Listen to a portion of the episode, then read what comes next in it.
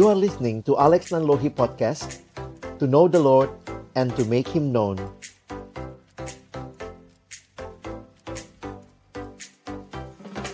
Ya, teman-teman, untuk memahami tema atau topik yang akan kita gali pada malam hari ini, yaitu Fearfully Yours, saat ini kita akan dipimpin dan ditolong oleh pendeta Alex Nanlohi, atau yang biasanya lebih akrab disapa dengan Bang Alex.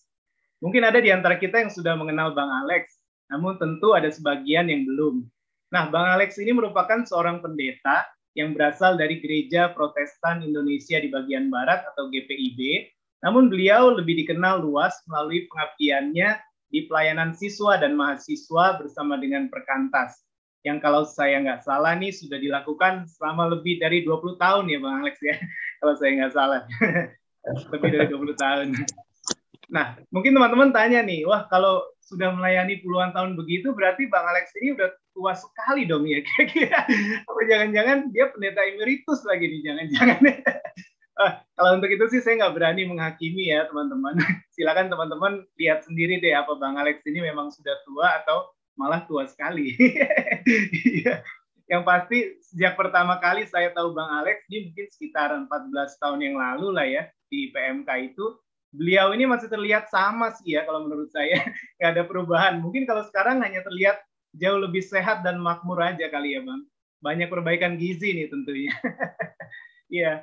Oke, baiklah teman-teman. Tanpa berlama-lama lagi, saya serahkan kepada Bang Alex Nanlohi untuk memimpin kita dalam berPA pada malam hari ini. Silakan Bang Alex. Shalom, selamat malam teman-teman sekalian. Malam Alex. Selamat malam. Bersyukur malam. sekali ya boleh. Ini malam ini kita ber, berzoom pak ya karena lewat zoom ya. Dan menarik sekali uh, melihat bagaimana uh, Tuhan memimpin di tengah-tengah situasi yang nampaknya sulit. Awalnya kan COVID ini cuma masalah kesehatan. Tapi sekarang bukan hanya jadi masalah kesehatan, sudah jadi masalah sosial, masalah ekonomi, masalah pendidikan, harus studi dari rumah, masalah pekerjaan, masalah spiritual, ya. Tapi kita sekarang bisa berkumpul, saya pikir juga itu anugerah Tuhan yang luar biasa. Ya, saya tidak setua yang dipikirkan. Paling tidak di sini ada rekan saya yang lebih tua ya, ada Kak Evi ya. Jadi uh, bersyukur kalau Tuhan boleh memberi kesempatan melayani teman-teman sekalian dan saya siapkan satu slide juga buat kita bisa memahami tema ini. Saya uh, tidak ingin buru-buru ya untuk memberikan kesimpulan atau definisi dari takut akan Tuhan, karena juga di dalam Alkitab ini banyak sekali atau sangat tersebar istilah ini. Jadi saya ingin memberikan spektrum yang nanti di dalamnya saya harap teman-teman nanti bisa mencoba relate. Dan apa yang kalian sebutkan, yang teman-teman masukkan dalam jawaban di Mentimeter tadi, sebenarnya sudah juga memberikan uh, sedikit uh, taste buat kita untuk memahami hal itu ya. Nah, mari sebelum kita lanjut saya ingin ajak kita berdoa sebelum kita membaca merenungkan firman Tuhan. Bapa di dalam surga, kami bersyukur kepadamu kesempatan ini Tuhan berikan bagi kami. Sama-sama kami akan membuka firman-Mu. Kami mohon ya Tuhan, bukalah juga hati kami. Jadikanlah hati kami seperti tanah yang baik, supaya ketika benih firman-Mu ditaburkan itu boleh sungguh-sungguh berakar, bertumbuh, dan juga berbuah nyata di dalam hidup kami. Berkati hambamu yang menyampaikan, setiap kami yang mendengar, juga diskusi, interaksi di antara kami, biarlah boleh menolong kami semakin mendaratkan setiap kebenaran-Mu di dalam kehidupan kami. Terima kasih Tuhan, dalam nama Tuhan Yesus Kristus, kami menyerahkan pemberitaan firman-Mu. Amin. Kita akan belajar dari Mazmur ya. Salah satu yang menarik kalau bicara Mazmur adalah mengungkapkan perasaan ya. Jadi kalau kita mengenal kitab Mazmur, Mazmur itu sebenarnya kalau kita perhatikan tidaklah disusun kronologis. Makanya beberapa teolog menolak untuk menyebutnya sebagai pasal, tetapi lebih tepat menyebutnya sebagai nomor. Karena sebenarnya mirip kayak buku lagu ya kayak kidung jemaat itu kan disusunnya tidak berdasarkan kronologi. Karena misalnya Mazmur 23 ditulis oleh Daud. Lalu nanti kalau kita baca Mazmur 90 tulisannya doa Musa. Musa sama Daud tuaan siapa? Ya tuaan Musa lah ya. Tapi kenapa Daud apa bayar ya supaya dapat nomornya lebih awal begitu ya? Daud dapatnya nomor 23. Tapi itulah ada semacam uh, atau ada editor, ada penyunting yang mencoba memasukkan dan membukukan Mazmur di dalam pengelompokan yang menarik. Ada lima buku ya teman-teman nanti bisa perhatikan di Alkitab cetak bahasa Indonesia jelas tertulis ada buku satu mulai dari Mazmur 1 sampai nanti Mazmur yang Mazmur 1 sampai dengan Mazmur 41. Nah, terus ada nanti buku 2 mulai 42 dan totalnya ada 5 buku, ya.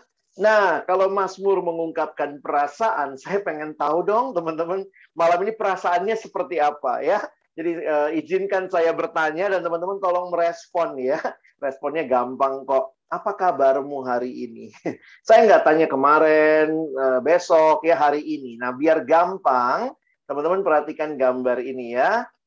Nah, silahkan nomor berapa yang paling menggambarkan kabarmu hari ini ya. Silakan perhatikan nomornya. Ya kita nggak usah saling menghakimi ya. Mungkin ya kalau itu yang kita rasain nah mungkin teman-teman bisa tulis nomornya. Wah saya nomor ini gitu ya. Eh, nanti kita bisa saling eh, paling nggak saling tahu dan ya kita bisa saling doain juga ya. Karena pasti situasi kita masing-masing berbeda-beda. Nomor berapa yang paling menggambarkan kabarmu hari ini Silakan. Kalau yang 14 itu maksudnya apa ya, Bang? 14 kayaknya nggak usah Mati. diartikan macam-macam ya. Mati itu. Pokoknya dia kayak terjun bebas ya. Iya. Silakan apa aja gitu ya. Thank you teman-teman yang udah jawab ya. Ya. Ada yang rasanya nomor berapa? 9, 10 gitu ya. Ada yang lima mungkin. Lagi mager banget gitu ya. Oke, ada yang delapan. Thank you.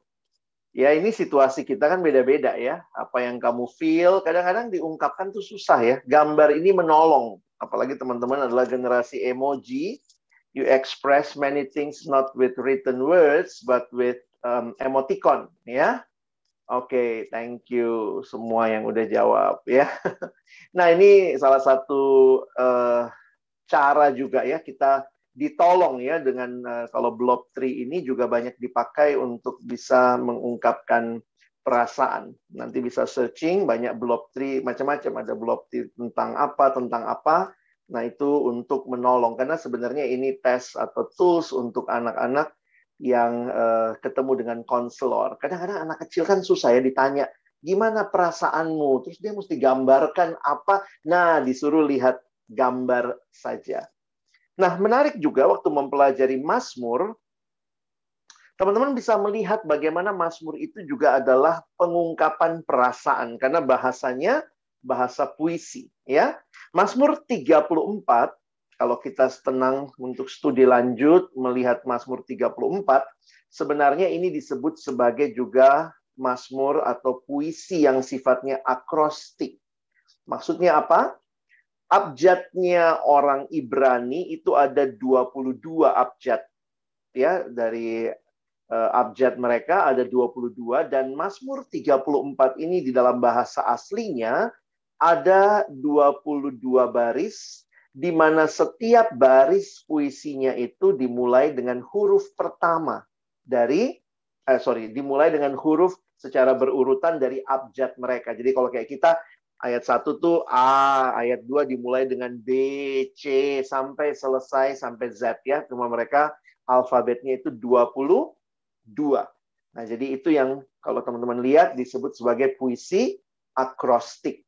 Nah, kita uh, bisa sih ya, nanti saya ajak kita baca juga ayat sebelumnya, tapi nanti teman-teman silahkan lanjutkan cuma 22 ayat ya. Kita fokus dulu ayat 10 sampai 15. Saya sengaja beri warna bagian yang berkaitan dengan tema kita malam ini. Takutlah akan Tuhan, hai orang-orang yang orang-orangnya yang kudus, sebab tidak berkekurangan orang yang takut akan dia. Singa-singa muda merana kelaparan, tapi orang-orang yang mencari Tuhan tidak kekurangan sesuatu pun yang baik. Marilah anak-anak, dengarkanlah aku, takut akan Tuhan akan kuajarkan kepadamu. Siapakah orang yang menyukai hidup dan mengingini umur panjang untuk menikmati yang baik? Jagalah lidahmu terhadap yang jahat dan bibirmu terhadap ucapan-ucapan yang menipu. Jauhilah yang jahat dan lakukanlah yang baik. carilah perdamaian dan berusahalah mendapatkannya. Mari sedikit belajar tentang siapa Daud begitu ya. Di dalam kita memahami tentang Mazmur, maka Daud ini punya peranan penting. Kenapa?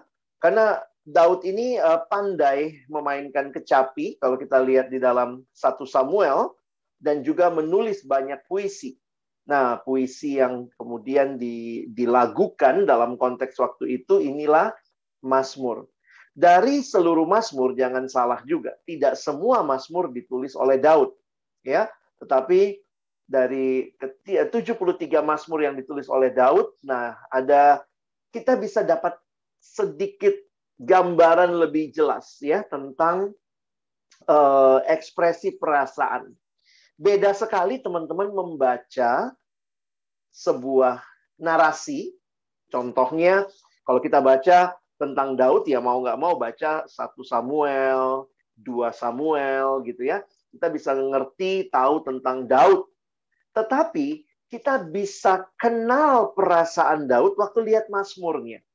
Karena ketika diceritakan dengan puisi, ya kalian bisa bedakan ya prosa dengan puisi itu punya tujuan yang berbeda.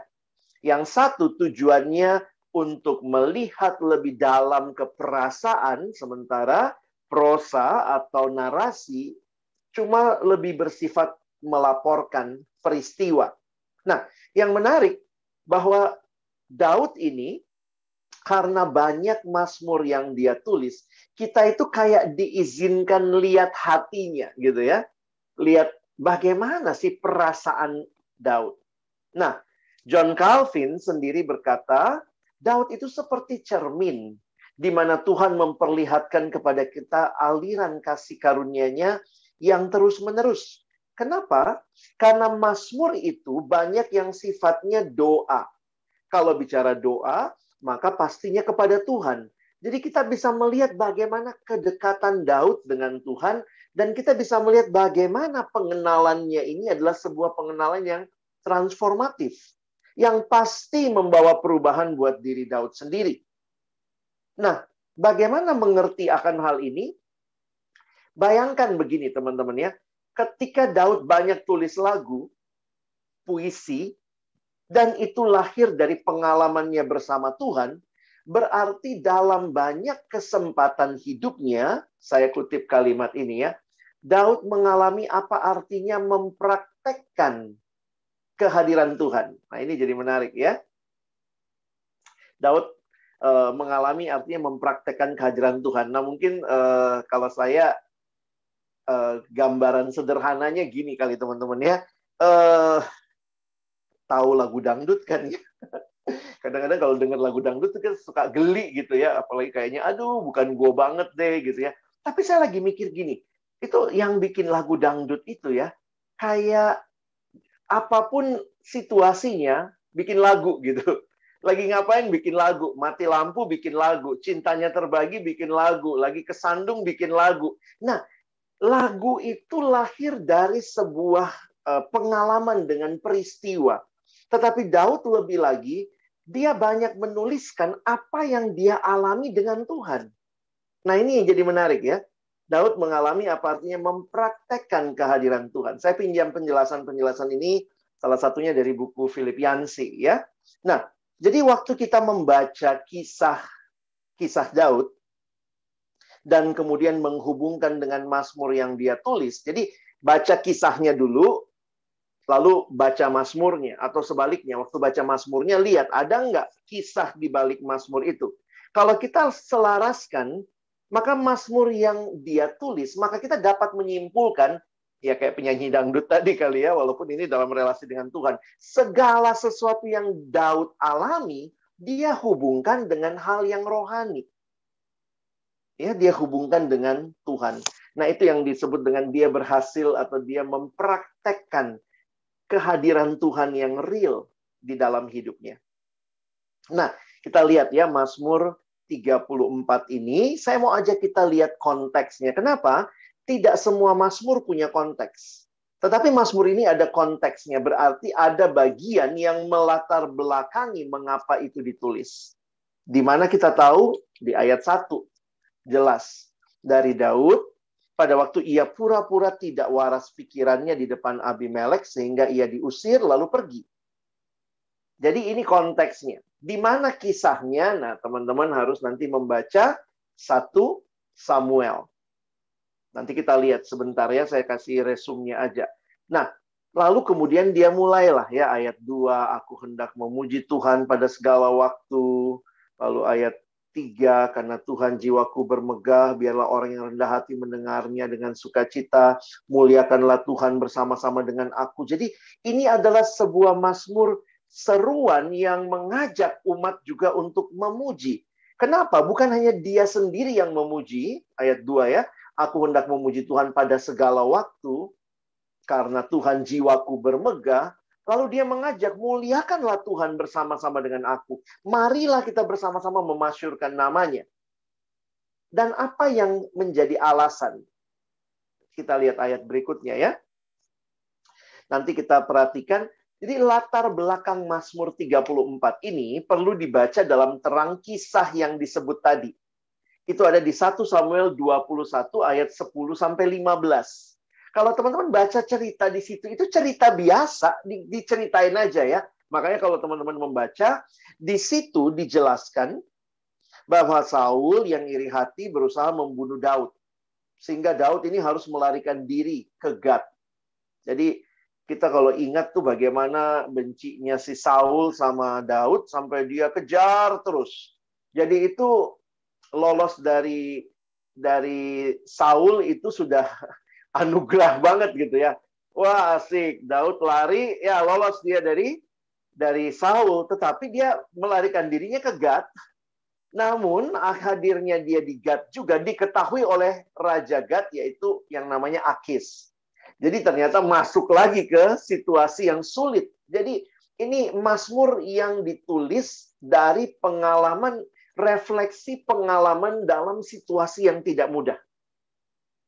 Lengkap sudah kesulitan yang dihadapi Daud. Lari dari Saul yang berusaha membunuhnya, dia juga pisah sama Yonatan, sahabat karibnya yang kayaknya bisa backup dia gitu ya. Dan berjumpa dengan Akis yang membenci Daud karena Daud telah bunuh Goliat. Udahlah, lengkaplah ceritanya ya. Nah, jadi kalau kita baca latar belakang ini, nah ini yang menarik sebenarnya ya. Namun waktu kita membaca latar belakang peristiwa ini di 1 Samuel 21, maka sebenarnya kita cuma menemukan kisah tentang seorang buronan ketakutan yang berleleran air liur dan bertindak seperti orang gila demi menyelamatkan nyawanya. Jadi Daud ini tanda kutip pura-pura gila karena dia udah terjebak di kandang musuh. Lalu dia akhirnya dapat ide. Idenya adalah udahlah kayak orang gila aja bagi air mulutnya tuh meleleh sampai ke janggutnya Sampai Akis pun ngomong, ngapain kamu bawa orang gila, nambah lagi koleksi orang gila di tempat gua gitu ya. Jadi sejauh ini kalau teman-teman perhatikan, ini kan nggak ada mujizat di situ. Secara tiba-tiba misalnya tiba-tiba Daud diselamatkan Tuhan. Tuhan misalnya membuat Akis butaka Akis ternyata uh, uh, tiba-tiba tidak bisa melihat lalu atau Tuhan selamatkan Daud. Tetapi nggak ada mujizat tuh kalau kita baca kisahnya gitu ya. Namun Daud sekali lagi melalui Mazmur ini tentunya menyatakan bagi kita bahwa segala sesuatu yang dia alami adalah pemberian Tuhan baginya. Nah ini menarik. Coba kita lihat lanjutannya ayat 5 ya. Aku telah mencari Tuhan, lalu ia menjawab aku dan melepaskan aku dari segala kegentaranku tujukanlah pandanganmu kepadanya, maka mukamu akan berseri-seri dan tidak akan malu tersipu-sipu. Nah, perhatikan ayat 7. Orang yang tertindas ini berseru dan Tuhan mendengar, ia menyelamatkan dia dari segala kesesakannya. Siapa yang menyelamatkan? Kalau baca ayat 7, uh, ya Tuhan kan Tuhan menyelamatkan dia berarti Daud dari segala kesesakannya. Nah, saya pinjam lagi ya. Nah, ini salah satu penafsiran yang menarik menurut saya ya dari Philip Yancey dalam bukunya um, The Bible Jesus Read ya. Dia mengatakan begini waktu dia menafsirkan bagian ini. Mungkin di dalam keputusasaannya Daud itu berteriak kepada Tuhan dan mendadak saja gagasan untuk berpura-pura gila melintas dalam benaknya. Namun, melalui Mazmur 34, kita seperti diberikan cermin melihat hati Daud. Dalam sebuah peristiwa yang kayaknya cuma ide Daud aja supaya pura-pura gila supaya nggak mati dia ya. Namun Daud menyadari hal itu sebagai pemberian Tuhan, bukan sekadar usahanya sendiri. Nah, ini menarik ya. Perhatikan lagi kalimatnya. Kalau kita tadi cuma baca ayat 7, kayak orang tertindas ini berseru dan Tuhan mendengar, ia menyelamatkan dia dari segala kesesakannya. Mungkin kita bayangkan, wow, tiba-tiba Tuhan datang memberikan keselamatan. Tapi kalau baca ceritanya, ya Daud cuman ketemu ide gitu, pura-pura gila gitu ya. Makanya, nah ini Filipianse ya dari tadi Filipianse siapa sih dia ya? Ini salah satu penulis. Uh, dia menuliskan begini. Mazmur-mazmur Daud ya khususnya memberi Allah pujian untuk semua yang tampak seperti kelihayan manusia. Tentu banyak kontroversi di sini. Kenapa sih pura-pura gila? Emangnya Daud penakut dan segala macam. Tapi bagi beberapa penafsir yang saya baca, ada yang berkata begini. Sebenarnya itu salah satu strategi cukup jitu lah ya pada waktu itu. Pertama, dengan begitu tidak ada yang mati. Karena biasanya di dalam raja ketemu raja, peperangan harus ada yang mati salah satunya atau ditaklukkan. Tetapi strategi Daud pura-pura gila itu jadinya dia tidak harus bunuh Akis, Akis juga ngapain bunuh Daud gitu ya. Ini orang gila doang gitu. Jadi beberapa penafsir bahkan melihat bahwa ya ini less damage lah ya tidak banyak kerusakannya. Jadi kadang-kadang ya saya bukan berarti berkata apa pun ide kita itu dari Tuhan, nggak begitu ya. Saya pikir jangan salah baca seolah-olah wah Daud pura-pura gila antar deh kalau ada yang nagih utang gue pura-pura nggak tahu gitu ya itu nah, namanya saudara lari dari tanggung jawab ya. Tetapi dalam situasi sulit yang Daud hadapi, tindakan berpikir kreatif itu dari Tuhan. Itu yang itu yang mau disampaikan. Daud itu berhasil ya kalau boleh pakai istilah Filipiansi, Daud berhasil membuat Tuhan menjadi pusat hidupnya. Paling tidak dari Mazmur ini kita bisa melihat siapa yang dapat pujian ketika dia tidak dibunuh oleh Raja Akis itu. Dia berkata, Tuhan engkau yang meluputkan aku. Nah, saya tambah ini penjelasan dari C.S. Lewis ya. C.S. Lewis mengatakan idealnya bagi seorang Kristen berarti setiap tindakan dan perasaan, setiap pengalaman menyenangkan atau tidak harus dihubungkan dengan Tuhan. Nah, teman-teman tangkap idenya sampai sini ya. Seorang seperti Daud yang punya relasi yang dekat dengan Tuhan, yang kenal siapa Tuhan yang dia sembah sehingga seluruh pengalaman hidupnya, paling tidak dari apa yang kita baca, dia hubungkan dengan Tuhan, baik itu senang, baik itu mungkin tidak menyenangkan, dia hubungkan dengan Tuhan. God is the hero of every single story that David face atau yang dia sudah lalui. Nah, jadi apa hubungannya kalau kita bicara dengan tema kita malam hari ini? takut akan Tuhan. Saya melihat takut akan Tuhan itu, mari kita mengerti di dalam sebuah konteks. Daud ini adalah seorang yang dikatakan takut akan Tuhan. Bahkan tadi kalau teman-teman ingat, dia panggil generasi selanjutnya ya, mulutku akan memberitakan kepada kepada kalian, aku akan kasih tahu lagi ke kalian. Itu konteks di Mazmur 34 ayat 10 sampai 15 tadi. Jadi takut akan Tuhan menjadi satu panggilan, takutlah akan Tuhan, hai orang-orang yang kudus. Sebab tidak berkekurangan orang yang takut akan dia. Tapi perhatikan lagi, maka dia katakan, marilah anak-anak dengarkanlah aku, Lalu dikatakan takut akan Tuhan akan kuajarkan kepadamu. Jadi kalau bicara takut akan Tuhan, saya melihat ini adalah pengalaman hidup Daud dengan Tuhan.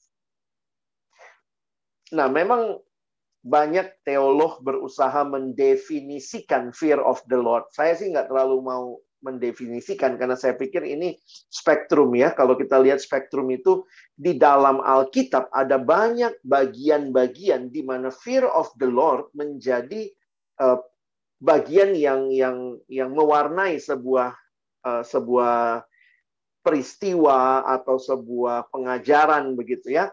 Misalnya kan gitu, marilah takutlah akan Tuhan. Kalau kamu takut akan Tuhan, kamu akan begini. Lalu di sisi lain lagi takut akan Tuhan itu adalah permulaan pengetahuan. Kita tahu ya ayat itu ya, ayat terkenal Amsal 1 ayat 7. Permulaan hikmat ialah takut akan Tuhan. Nah, beberapa orang mengkaitkan, oh, berarti takut akan Tuhan dengan hikmat. Tapi di bagian lain takut akan Tuhan dihubungkan dengan dengan kekudusannya Tuhan, begitu ya. Nah, tapi akhirnya saya juga harus memilih gitu ya. Nah, saya pinjam penjelasan dari seorang bernama Timothy Keller. Ya. Nah, ini hamba Tuhan pendeta Timothy Keller. Ini bukan baginda ya. Mirip. ini Timothy Keller. Dia berkata begini. Obviously, to be in the fear of the Lord is not to be scared of the Lord. Bedakan takut akan Tuhan itu memang karena kata yang dipakai fear, bahasa Inggris juga pakai fear, bahasa Indonesia pakai kata takut. Kadang-kadang kita pikir itu kayak Tuhan itu mengerikan atau ketakutan yang scare gitu, kayak eh gue ngeri banget gitu ya. Bukan itu yang dimaksud sebenarnya. It's not to be scared of the Lord, walaupun, nah ini perhatikan, di dalam terminologi aslinya fear of the Lord dalam bahasa Ibrani, ada aspek itu. Ada aspek takut dalam arti takut yang memang takut, tetapi juga lebih banyak bersifat respect and awe, seperti lagu yang kita nyanyikan tadi ya.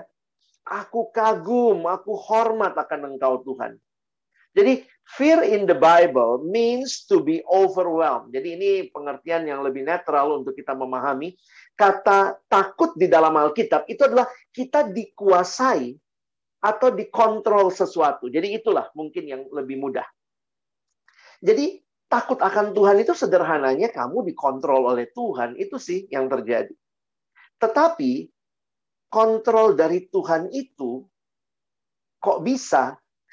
Berarti kan engkau dan saya menyerahkan diri untuk dikontrol oleh Tuhan. Karena itu saya harus ingatkan bahwa takut akan Tuhan itu tidak lepas dari pengenalan kita akan Tuhan. Siapa Tuhan yang kepadanya kita menyerahkan diri untuk dikontrol? Ini mesti jelas dong. Apakah saudara menyerahkan diri dikontrol oleh Tuhan yang saudara nggak kenal gitu? Siapa dia gitu? Makanya Timothy Keller mengatakan begini. To fear the Lord is to be overwhelmed with wonder before the greatness of God and His love. Jadi takut akan Tuhan itu adalah sebuah situasi yang di, di apa dialami ketika kita di, dipenuhi dengan ketakjuban kepada kebesaran dari Allah dan kasihnya. Jadi berarti di situ ada pengenalan akan Allah. Di situ ada bicara yang tadi ya, Baginda bilang di depan, kita itu miliknya Tuhan. Berarti Tuhan itu pemilik hidup kita. Nah, makin kita kenal siapa Tuhan kita, ya kita akan makin bisa fear of Him. Sementara kalau kita nggak kenal, maka fear of Him atau takut akan Tuhan mungkin hanya jadi slogan. Kenapa? Dari kecil kan kita Kristen, takut akan Tuhan.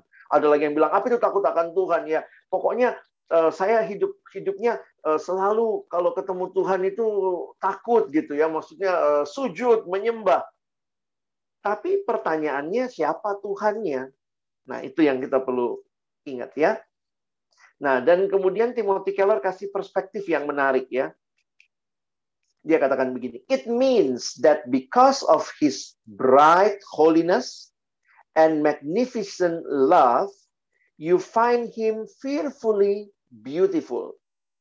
Nah, ini memang cukup dalam ya untuk kita pahami. Gini deh, secara sederhana saya kasih ilustrasinya begini. Allah itu kan adil. Tapi Allah itu juga kasih. Nah, gimana tuh? Pengenalan kita akan Allah menolong kita juga punya sikap takut yang benar kepada Dia. Kalau Dia adil, wow, berarti dosa harus dihukum. Itulah Allah yang adil. Makanya jangan main-main sama dosa. Kalau kita main-main menikmati dosa, maka sebenarnya itu akan menakutkan karena Allah pasti menghukum dosa.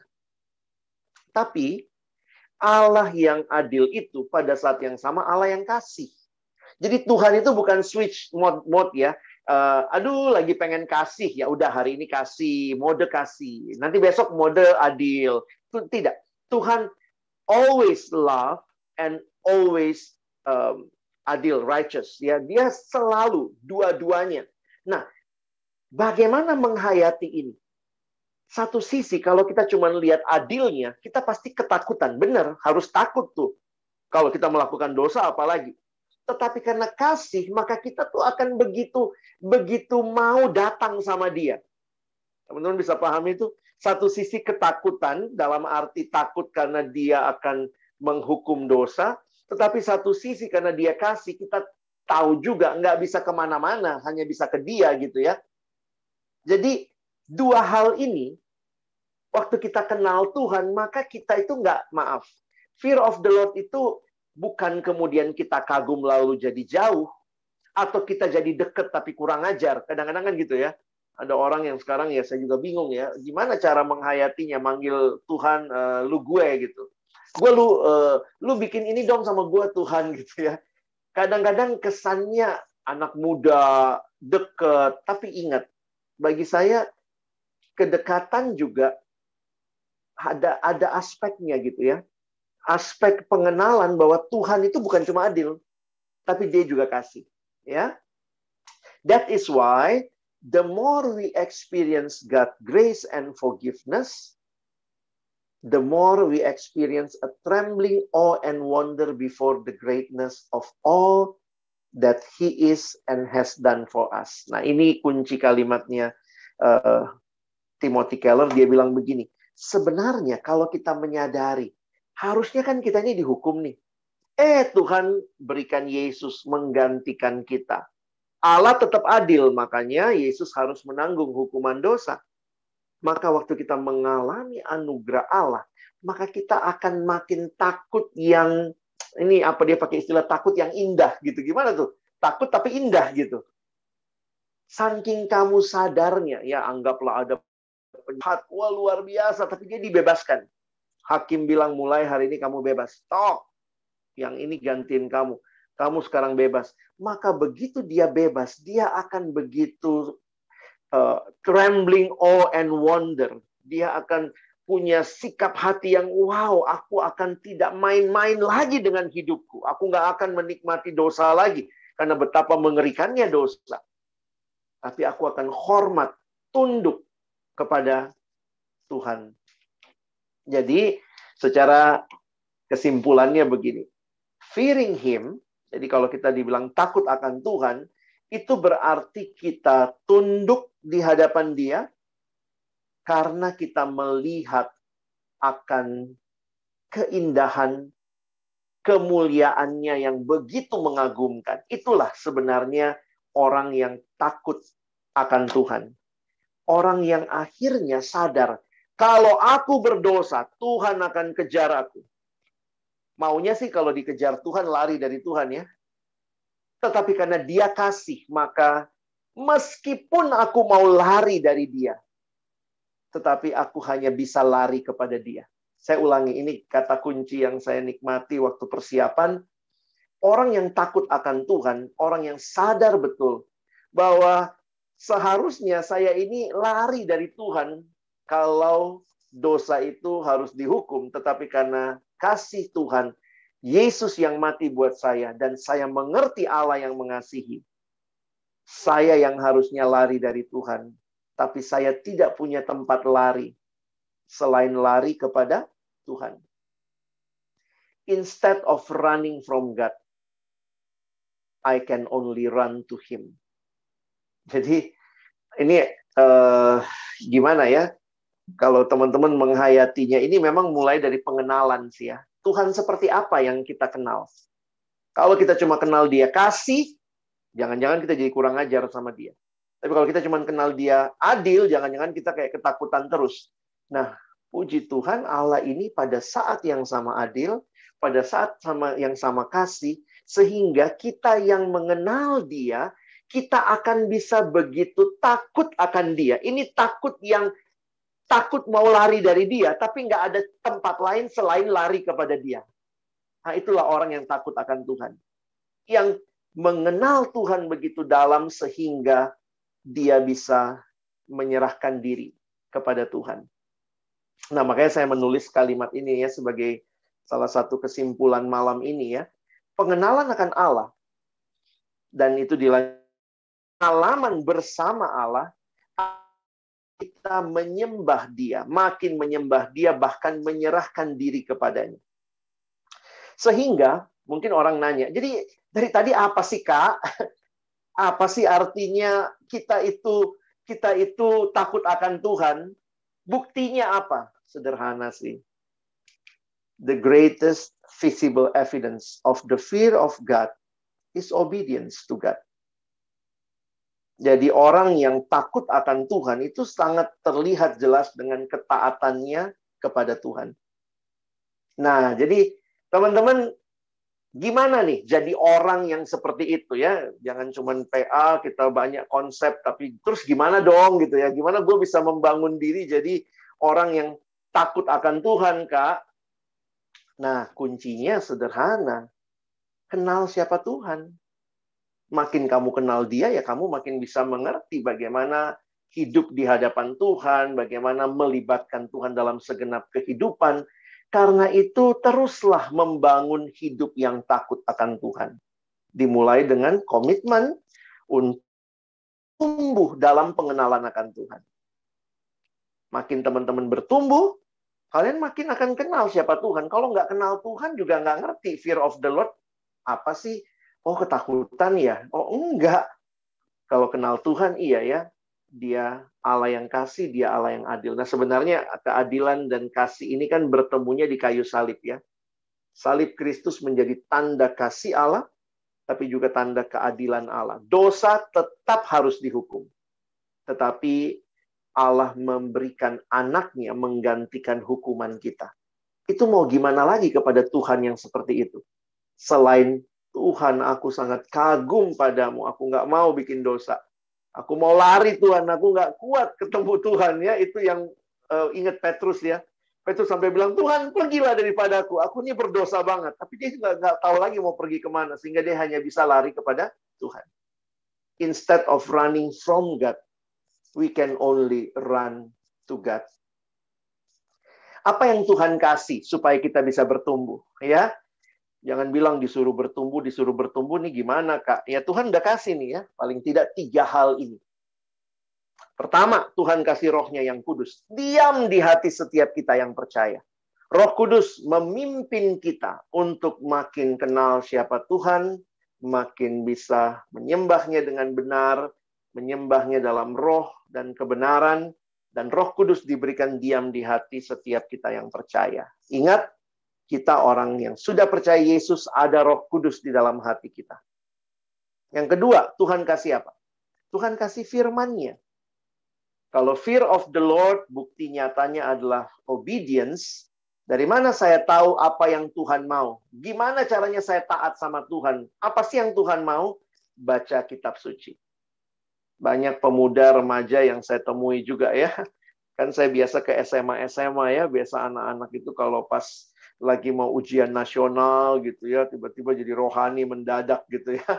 Terus ada satu anak waktu itu bilang gitu, Iya Kak Alex, saya nggak tahu nih Kak, apa sih maunya Tuhan? Tuhan mau apa dalam hidupku Kak? Apa yang Tuhan mau buat hidup saya? Biasalah gitu nanya kan. Saya nggak tahu mesti ambil kuliah jurusan mana. Terus kemudian dia ngomong, Tuhan mau apa? Tuhan mau apa? Terus saya tanya, Dek, boleh nanya nggak? Oh, kamu rajin nggak baca Alkitab? Wah itulah kak, susah ini, ini lagi kelas 12, kak sibuk banget. Saya bilang lucu kamu ya, dari tadi nanya, Tuhan mau apa, Tuhan mau apa, tapi lu nggak buka Alkitab. Banyak anak muda tanya, Tuhan mau apa, apa yang Tuhan mau, tapi nggak mau buka firmannya.